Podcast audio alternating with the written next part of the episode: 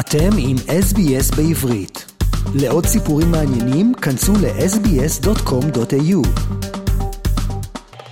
Shalom Australia. We'll start this time with uh, all the Yom HaShoah commemorative events which were held in Melbourne and Sydney. In Sydney, uh, close to 2,000 people attended the two major Yom HaShoah commemorative events across two nights with the theme of heroism in the Holocaust. The first one was uh, had special guest famed author Thomas Keneally. He was the keynote speaker at the New South Wales Jewish Board of Deputies commemoration on Sunday night, held at University of New South Wales in front of a sold-out crowd of more than 1,000 and guests including New South Wales Governor Margaret Beazley, state and federal politicians, and some consuls from various countries.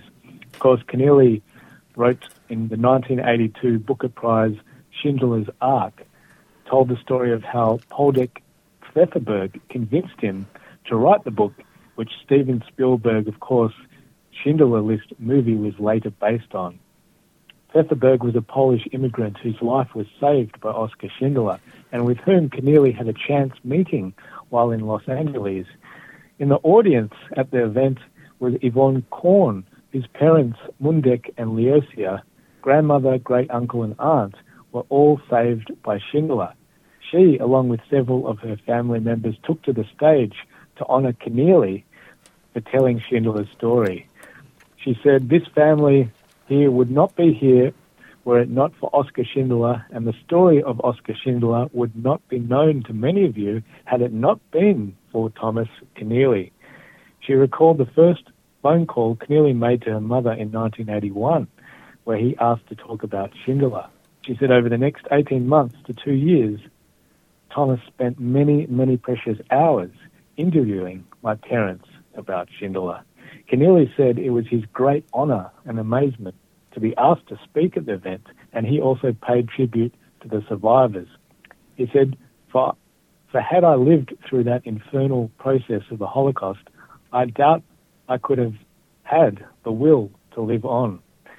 Uh, Monday night's Youth Here commemoration in Sydney drew a record 700 people and heard from survivors including Peter Hallas, who lost his mother and grandparents in Budapest when he was just five years old.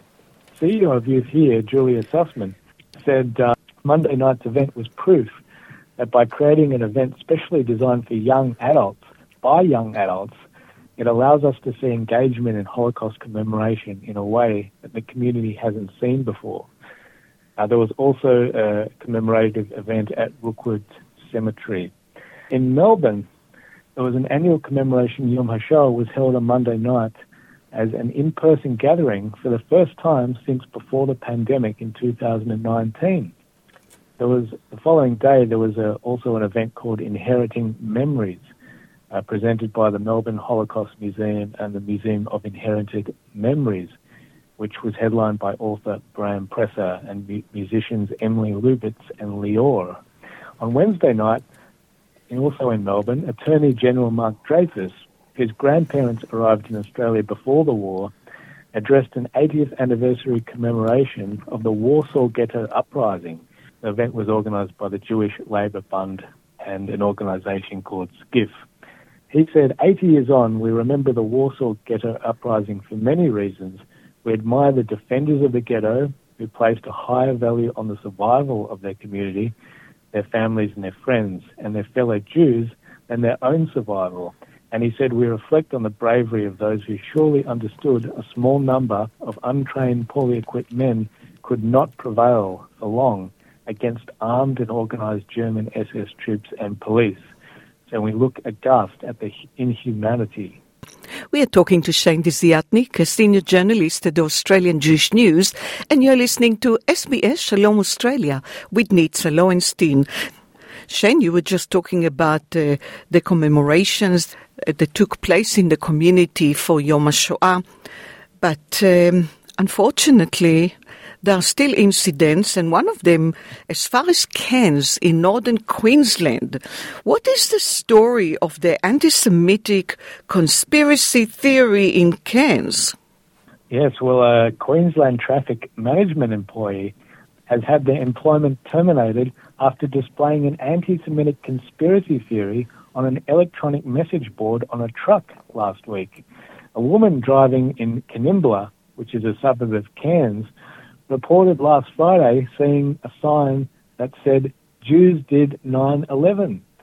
Sean Fitzpatrick, the general manager of A20 Traffic Solutions, which was the company that owns the truck, told the Jewish News that the company was completely and utterly shocked by finding out through the media that one of our vehicles and one of our staff members had had such a message displayed. He said we did a very thorough investigation using our tracking systems as well as our VMS boards to ensure that there was no ability for remote access or any faults which may have prolonged the display of the message. Fitzpatrick said that it has since been found out that it was one individual's actions only, and that person was terminated on Monday for gross misconduct and for breaches of policies and racial hatred laws.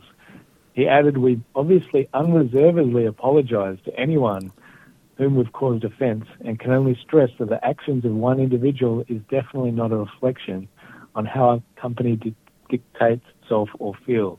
President of the Queensland Jewish Board of Deputies, Jason Steinberg, said the incident shows both ignorance and deep hatred against Jews. He said myths and misinformation is a popular tool for anti Semites, and these people need to know that Queenslanders don't want their propaganda, ignorance, and hatred. Shay, next week, um, Israelis will celebrate uh, Yom Ha'atzmaut, the 75th of Israel, and the Israeli flag will fly over Randwick Town Hall. And this is despite facing backlash. Yes, so the Australia, Israel and Jewish Affairs Council has congratulated Randwick City Council for standing firm on flying the Israeli flag on Yom Ha'atzmaut, despite this backlash. Last month, Liberal councillors Daniel Rosenfeld successfully introduced a motion to fly the flag at Randwick Town Hall on April 26 for Independence Day. But during Tuesday night's council meeting, a Greens councillor attempted to trigger an urgent motion to rescind the resolution, but that was shot down. Rosenfeld told the Jewish News that when a councillor raises an urgent motion, the council has to vote on whether it is indeed urgent before the motion is allowed to be debated. And I'm pleased to report that council voted 9 to 6 that it was not urgent. A group of protesters had gathered outside the town hall when the vote was taken and those who attended the meeting in the public gallery began shouting, and they soon left after the vote. AIJAC has written to Randwick Mayor, Council, Councillor Dylan Parker, to express its appreciation and said it will be a significant expression of support to see the Israeli flag flying atop the town hall. And we are talking to Shane Desiatnik. Shane, 10 Jews were named in Time's most influential list. It's very hard to get into that list. Yeah, there's only 100 people in the whole world that can get in it, so you, that's right. And 10, 10 Jewish people uh, have been uh, have been named in it. Um, these are Deborah Lipstadt, who is the U.S. State Department Special Envoy to monitor and combat anti-Semitism. Doja Cat, who's a rapper and performance artist. Ivan Gershkovich, who's a Wall Street Journal reporter. Bob Iger, who's returning to being the CEO of Disney. Natasha Lyonne is a writer, director, and act- actress whose popular series on Netflix is uh, Russian Doll. Judy Blume, of course, many uh, families would know as the famous children's author. Sam Altman is a tech entrepreneur. Nathan Fielder is a comedian and performance artist whose uh, genre-defying 2002 series was called The Rehearsal. Neil, Neil Gaiman is a science fiction writer whose comic book series was The Sandman on Netflix. And Janet Yellen is the first woman to hold the role of U.S. Treasury Secretary. I must say that I didn't recognize many of the names, so thank you so much for the explanation but obviously, Time uh, magazine chose them for a good reason. Shane Desiatnik, a senior journalist at Australian Jewish News. Thank you so much and have a great week. רוצים לשמוע עוד סיפורים? האזינו דרך האפל פודקאסט, גוגל פודקאסט, ספוטיפיי, או בכל מקום אחר בו ניתן להאזין לפודקאסטים.